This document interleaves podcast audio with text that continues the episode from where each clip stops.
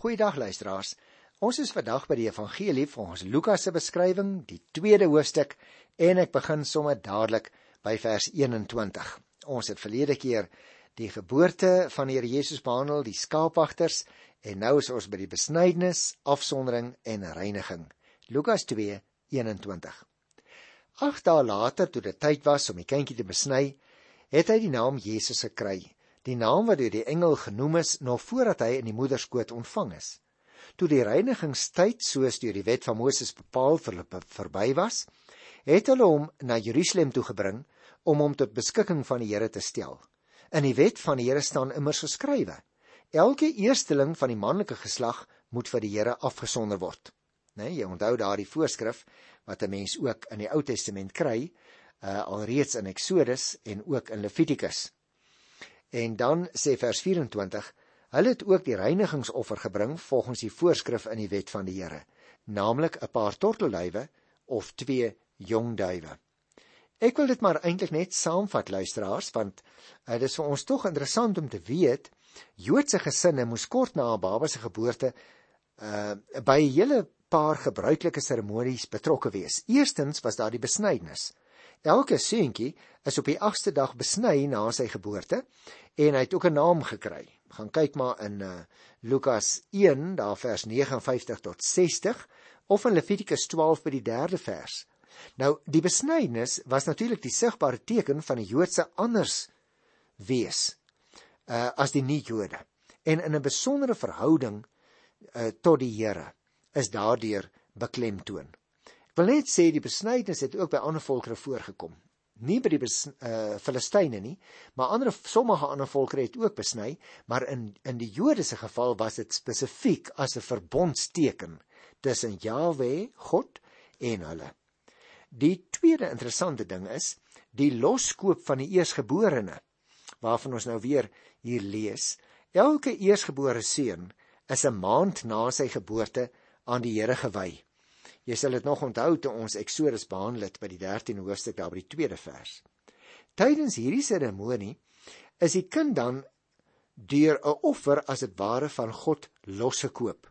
En daardeur het die ouers getoon dat hulle weet en besef dat hulle kindjie aan God wat die mag oor alle lewe het, behoort. Die derde aspek was die reiniging van die moeder. Elke moeder is vir 40 dae na seun se geboorte en 80 dae na 'n dogter se geboorte as onrein beskou. En daarom kon die moeder nie in die tempel ingaan nie. Eers aan die einde van daardie tydperk moes die baba en die ouers dan 'n lam as 'n brandoffer en 'n duif as sondeoffer aan die priester gee. Hy moes die diere offer en haar daarna weer rein verklaar. As die ouers nie 'n lam kon bekostig nie, moes hulle twee duwe neem. En dit is wat Josef en Maria gedoen het. Nou miskien het jy ook al gehoor dat mense sê Josef en Maria was arme mense. En dan kan 'n mens vra nou hoe, hoe weet die ouens dit om dit te sê? Omdat ons hier lees dat hulle die twee duwe gaan offer het en dit was die teken wat arme mense kon bring as hulle nie 'n duurder offer kon bekostig soos byvoorbeeld 'n lam nie. Dis is eintlik vir my aangrypend.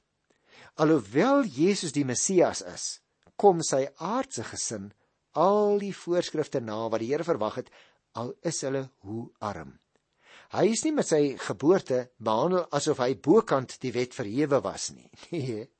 Nee, hy het die wet in alle opsigte onderhou. Daarom het hy self later gesê, ek het nie gekom om die wet tot nie te maak nie. Ek het gekom om die wet sy volle betekenis te laat kry. En nou luisteraars, kom ons by 'n volgende klein afdeling. Dit is eintlik die 9de afdelingkie, maar ek wil u nie deurmekaar maak met die skema as u nie 'n papier voor u het waarop ek die uiteensetting aangeteken het nie.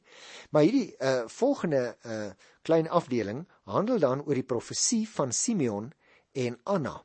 Mens kry dit in Lukas 2 vers 25 tot 39. Mag ek net eers 'n algemene opmerkingie maak?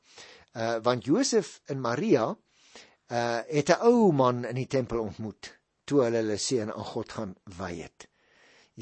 Simeon was sy naam. Die ou man het vir hulle vertel wat van hulle seun sou word. Simeon se lied word dan ook dikwels uh in die geskiedenis genoem. En uh, daar's veral twee belangrike woorde in die Latynse vertaling wat vir ons belangrik is. Nunc dimittis. Hy kon nou in vrede sterwe natuurlik hierdie ou man, want hy het die Messias gesien. Maar kom ons lees hierdie verhaal. Ek begin by Lukas 2 vers 25. Simeon en Anna by die tempel. Daar destyds 'n man met die naam Simeon in Jerusalem gewoon. Hy was getrou aan die wet en vroom en hy het uitgesien na die koms van die verlosser van Israel. Luisteraars, Simeon was een van die mense wat in stilte die Here van harte en met eerbied gedien het. Die wet van die Here was natuurlik die rigsnoer vir sy lewe, want ons lees hier die wet van die Here wat hy so getrou onderhou het. En daar staan buitendien ook nog toegevoeg: hy het uitgesien na die koms van die verlosser van Israel. O die gelowiges het verwag dat God die lot van sy volk sal verander deur die verskyning van die Messias. En die verwagting gaan natuurlik terug op Jesaja 40 by die eerste vers. Jy kan dit gerus gaan lees. Anna gebruik nou 'n ander uitdrukking met dieselfde betekenis, naamlik verlossing van Jerusalem. Jy gaan dit later uh, sien as ons vers 38 behandel. Maar wat nog hier belangrik is in vers 25 is dat ons lees die Heilige Gees was op Simeon. Dan die laaste stukkie van vers 25. Jy sien volgens die Joodse beskouing was die Heilige Gees die gees van profesie. So die Heilige Gees het op 'n besondere manier op hierdie ou man Simeon gerus en ons gaan net nou hoor hoe dat hy 'n profetiese woord onder leiding van die Heilige Gees spreek. Kom ons lees vers 26 en 27. Laaste sinnetjie van die vorige vers sê: Die Heilige Gees was op Simeon en hy het aan hom bekend gemaak dat hy nie sou sterwe voordat hy die gesalfde van die Here gesien het nie. Deur die Gees gelei, daar het ons dit nou, het hy opgegaan na die tempel toe. Toe die ouers die kindjie Jesus bring om vir hom die gebruikelike bepaling van die wet na te kom, het Simeon hom in sy arms geneem en God geprys. sien luisteraar die Gees, dit wil sê die Heilige Gees, het aan Simeon bekend gemaak dat hy nie sou sterwe voor hy die Messias gesien het nie. Die gees van die Here lei hom nou ook verder om in daardie oomblikke uh wat Josef en Maria daar kom in die tempel te wees sodat hy kan ervaar wat die Heilige Gees van tevore aan hom bekend gemaak het. En interessant, ons moet die Joodse gebruik onthou wanneer die Joodse rabbies kindertjies geseën het, het hulle die kindertjies gewoonlik in hulle arm vasgehou, net soos ons hier lees in vers 28. Simeon het Jesus in sy arms geneem en God geprys. Kom ons lees vers 29:30. Wat het hy gesê? Here, laat u dienaar nou in vrede gaan volgens u woord, omdat my oë u verlossing gesien het wat u gereed gemaak het voor die oë van al die volke 'n lig tot verligting van die nasies en tot eer van u volk Israel. O luisteraar, ek wonder of daar trane was in hierdie ou man se oë. Want dit wat die engel vir hom van tevore voorsê het, dit gaan nou waar word. Hy gaan dit nou self belewe. Die Jode het geweet natuurlik wat in die Ou Testamentiese profeseë staan omtrent die wyse waarop die Messias hulle volk sou seën. Hulle was egter meer in die tyd van die Nuwe Testament afgestem op politieke verlossing as op die verlossing wat hy vir die hele wêreld sou bring en waarvan Jesaja 49 vertel in die 6ste vers. Baie van die Jode het ook gedink dat hy net gekom het om sy eie volk te verlos. Lukas het nou seker gemaak dat sy lesers duidelik moet verstaan dat Jesus gekom het om almal staan daar wat glo te verlos. En daarom as 'n mens weer kyk na die 33ste vers, sy vader en moeder was verwonderd oor die dinge wat van hom gesê is. Kan 'n mens dit ook goed verstaan? Want Josef en Maria kon om verskillende redes verwonderd wees. Ek wil vir jou 3 noem. Eerstens, Simeon het gesê dat Jesus 'n geskenk van God was. 'n tweede rede. Hy het Jesus as die Messias herken. En die derde, hy het bygevoeg dat Jesus 'n lig vir die hele wêreld sou wees. Daarom Jesus se ouers is verbaas oor hierdie woorde van Simeon. Daar's nou baie aan hulle geopenbaar oor hierdie kind al van tevore, maar steeds word die horisonne weier geskuif, veral in die beklemtoning van sy wêreldwye betekenis hier in die 33ste vers, soos die profeet Jesaja dit al van tevore in die Ou Testament aangekondig het. Nou kom ons kyk na vers 36. Uh want dit is nou interessant dat hierdie profetes Anna, kom ek lees dit liewer. Daar was ook 'n profetes Anna, 'n dogter van Faniel uit die stam Aser. Sy was al baie oud. As jong vrou was sy 7 jaar getroud en na haar man se dood het sy weduwee gebly. Sy was nou al 84 jaar oud. Sy het nie van die tempel af weggebly nie en het God dag en nag gedien deur te vas en te bid. Hoewel Simeon en Anna nou al baie oud was, het hulle bly hoop dat hulle die Messias sou sien. Immers, ou Simeon het die belofte van die Here ontvang deur die leiding van die Heilige Gees. En daarom, hoewel hulle nou al ou mense was, het hulle ook hierdie verwagting en hoop wat die hele Joodse godsdiens al van kleins af ook vir hulle geleer het in hulle harte getroetel. Simeon en Anna se profeseë het ook besondere gewig gedra omdat hulle nie meer jonk was nie. In ons gemeenskap word jeug egter hoër as die wysheid geag nie waar nie. En word die bydraes wat die bejaardes gemaak kan word dikwels geïgnoreer. Ek voel ook daar baie kere so luisteraars en ek wonder met jou nê. sien 'n mens hierdie jong geslag. Uh en nou lees ons gelukkig tog hier weer 'n slaggie van hierdie ou mense wat so 'n belangrike rol in die verlossingsplan van die Here gespeel het. Luister na vers 38. Juis op daardie oomblik het hy nader gekom en God gedank en oor die kindjie gepraat met almal wat na die verlossing van Jerusalem uitgesien het.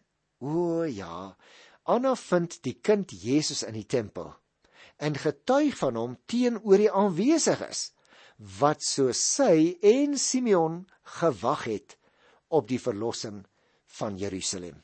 Ons het al 'n verwysing daarna in vers 25 gehad.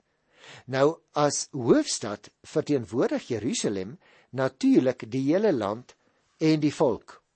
En nou sê vers 39 Toe Josef hulle alles nagekom het wat die wet van die Here voorskryf, het hulle na Galilea toe teruggegaan, na hulle eie dorp Nasaret.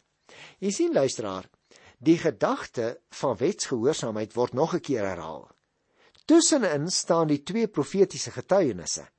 Nadat Josef en Maria aan die eise van die wet voldoen het, né, gaan hulle terug na hulle huis toe, naamlik Nasaret in die gebied Galilea. Nou sal jy weet daar in die omgewing van die uh, see of die meer van Nasaret wat soms ook bekend was as die see van Galilea. En die 39ste vers wat ek nou net gelees het, beklemtoon dan Josef hulle het dadelik soontoe teruggegaan. As jy Matteus uh, gaan kyk in die tweede hoofstuk, vertel uh van Herodes se kindermoord en vlug na Egipte. Maar Lukas is interessant vertel niks daarvan nie. Miskien was die verhaal van die vlug na Egipte nie bekend aan hom nie of dalk was dit vir hom nie belangrik in die verhaal uh die dinge wat hy nou spesifiek wou uitlig nie. Nou hierdie perikoop eintlik eindig dit hier in vers 39, hoewel dit nie so in die Afrikaanse Bybel aangedui is nie. Die rede hoekom ek dit sê, uh is omdat vers 40 eintlik 'n samevattende opmerking is oor die Here Jesus uh luisteraars, die seun van Jesus het in Nasaret groot geword. Hy het liggaamlik en geestelik soos enige ander kind gegroei. Kom ons lees eers die vers. Hier staan die kindjie het gegroei en sterk geword en hy was vol wysheid en die genade van God was op hom. Jy sien hy het dus nie net groot geword en 'n uh, tiener geword nie. Dat hy vol wysheid was, beteken dat hy in 'n besondere insig gehad het in die wil van God. Die Here het 'n sekere dinge aan hom openbaar, maar ook deur hom geopenbaar. En deur die jare van sy groei het die genade van God hom in alle opsigte beheers. Die genade staan daar van God was op hom.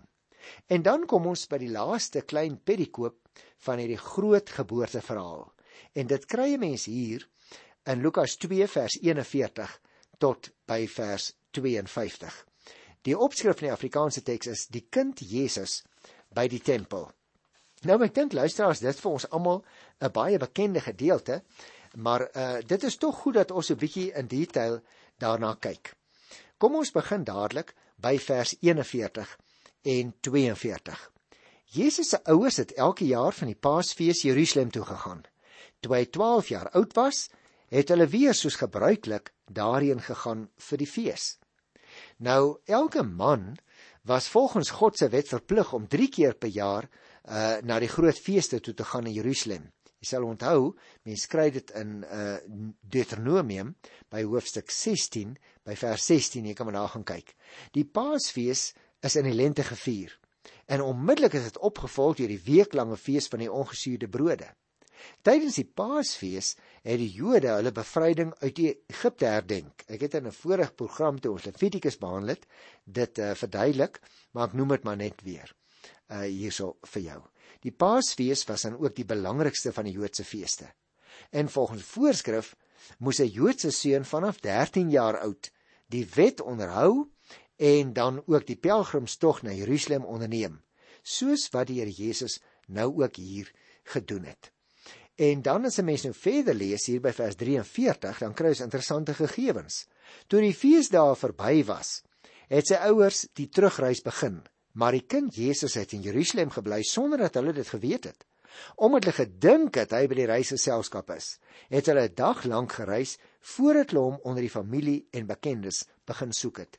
Nou luister as jy en ek maar nou miskien dink, "Jo, was Josef en uh, Maria dan nou so agterloosig dat hulle nie kon kyk uh, na hulle eie kind Jesus nie uh, hier in die groot stad Jerusalem met al die derduisende honderde duisende uh, pelgrims wat soms gekom het na die Paasfees toe. Nee, ek sou nie sê hulle was agterloosig nie. Jy moet onthou mense het in groepe gereis. En so dit maar gebeur dat die kinders soms met mekaar in groepies saam gestap het en die ouers het maar aanvaar die kinders is ook daar. En nou kom hulle agter dat hy nie by is nie. Luister hier by vers 45. Toe hulle hom uh, nie kry nie, het hulle omgedraai na Jerusalem toe op soek na hom. So jy sien dit bevestig dadelik dat dit nie uh, ouers was wat nie omgegee het nie. So hulle gaan dadelik terug. Na 3 dae het hulle hom by die tempel gekry waar hy tussen die geleerdes sit en hulle luister en hulle uitvra. Almal wat hom gehoor het, was verbaas oor sy insig en sy antwoorde. Nou ons moet hieroor 'n bietjie gesels want hier staan hulle toe omgedraai uh, na Jerusalem toe om te gaan soek. Maar dit waarskynlik eers die volgende oggend kan ek my voorstel die terugreis onderneem. Dit sou weer 'n hele dag in beslag neem. En die volgende dag, dit was sê luister as die derde dag, het hulle Jesus eers by die tempel gekry tussen 'n groep skrifgeleerdes wat besig om die teologiese vraagstukke van die dag te bespreek, né, soos geestelikes vandag ook maar doen. Nou hier ontdek hulle nou deur Jesus sit en hy luister na hierdie teoloë. Hy luister na die vrae wat gestel word. Hy luister na hulle antwoorde. En dit was die gewone manier waarop die Joodse seun destyds maar onderrig is. Jy moet ook onthou die tempel was dwars deur uh, Judea bekend as 'n opvoedkundige instelling. Juis omdat ek nou net vir jou verduidelik het, die jong Jode moes soontoe gaan en daar is hulle onderrig.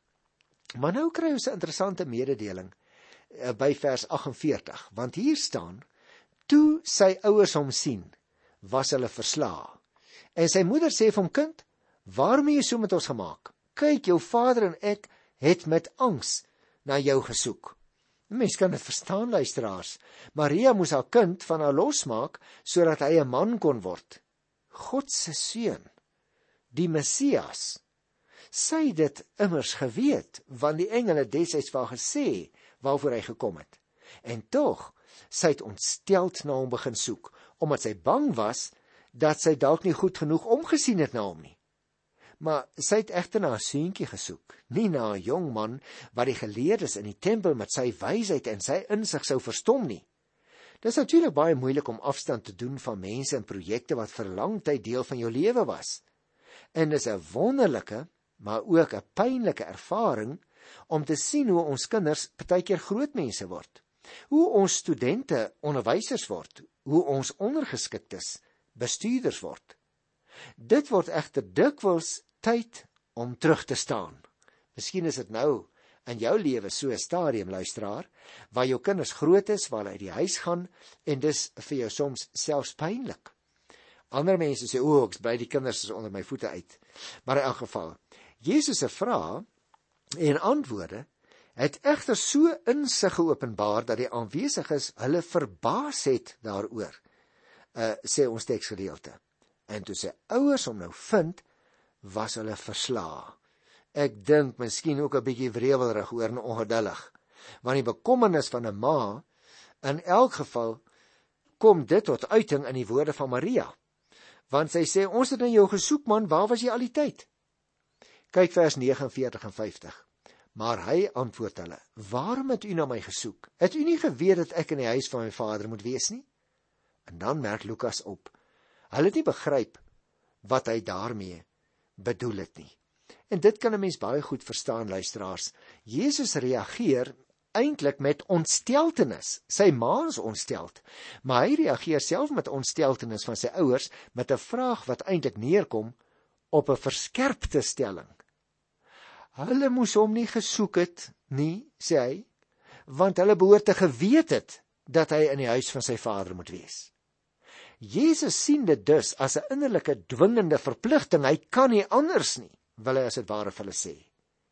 Nou in hierdie evangelie is dit nou die eerste keer dat Jesus aan die woord kom en reeds hier noem hy God sy vader en hy noem nie Josef sy vader nie. Ons kan dit tog verstaan. Jesus is die seun van God en sy ouers moes dit geweet het. Maar tog, tog gaan dit hulle verstand te bowe. Luister na vers 51 en 52, want dit is nou die laaste twee uh versies van hierdie gedeelte. Jesus het toe saam met hulle na Nasaret toe teruggegaan. En hy was aan hulle onderdanig. Sy moeder het al hierdie dinge in haar hart bewaar en Jesus het verstandelik en liggaamlik gegroei en 'n guns by God en die mense toegeneem. Dis nakies luisteraars, dit is nou die tweede keer dat jy opmerking kry, want in vers 40 het ons ook al gelees die kindjie het gegroei en sterk geword en hy was vol wysheid en die genade van God was op hom. Ek dink dit is belangrik om dit te sê. Jesus se verhouding tot sy hemelse Vader hef nie sy verhouding teenoor sy aardse ouers op nie. Daarom eer hy hulle. Net soos sy Vader se gebod vereis in Eksodus 20 vers 12 wat sê dat 'n mens jou ouers moet eer.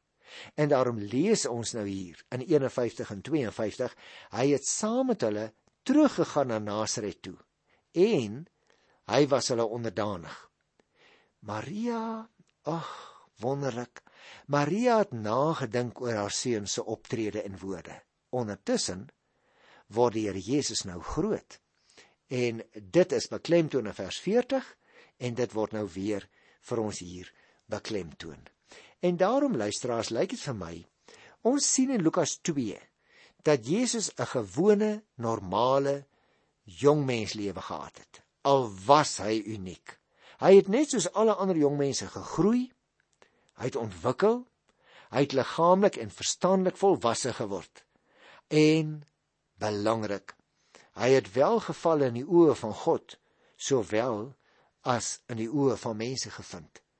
Lukas gee dus hier 'n samevattende opmerking oor Jesus se jeugjare en hier is geen sprake van 'n wonderdoenende kind soos in sommige van die apokriewe boeke, die buitebybelse boeke aangetref word nie. Lukas fantasieer dus nie oor Jesus se kinderjare nie, maar wys dat dit 'n uitgemaakte saak is dat die opgestane Jesus van die begin van sy lewe af die seun van God en die Christus was.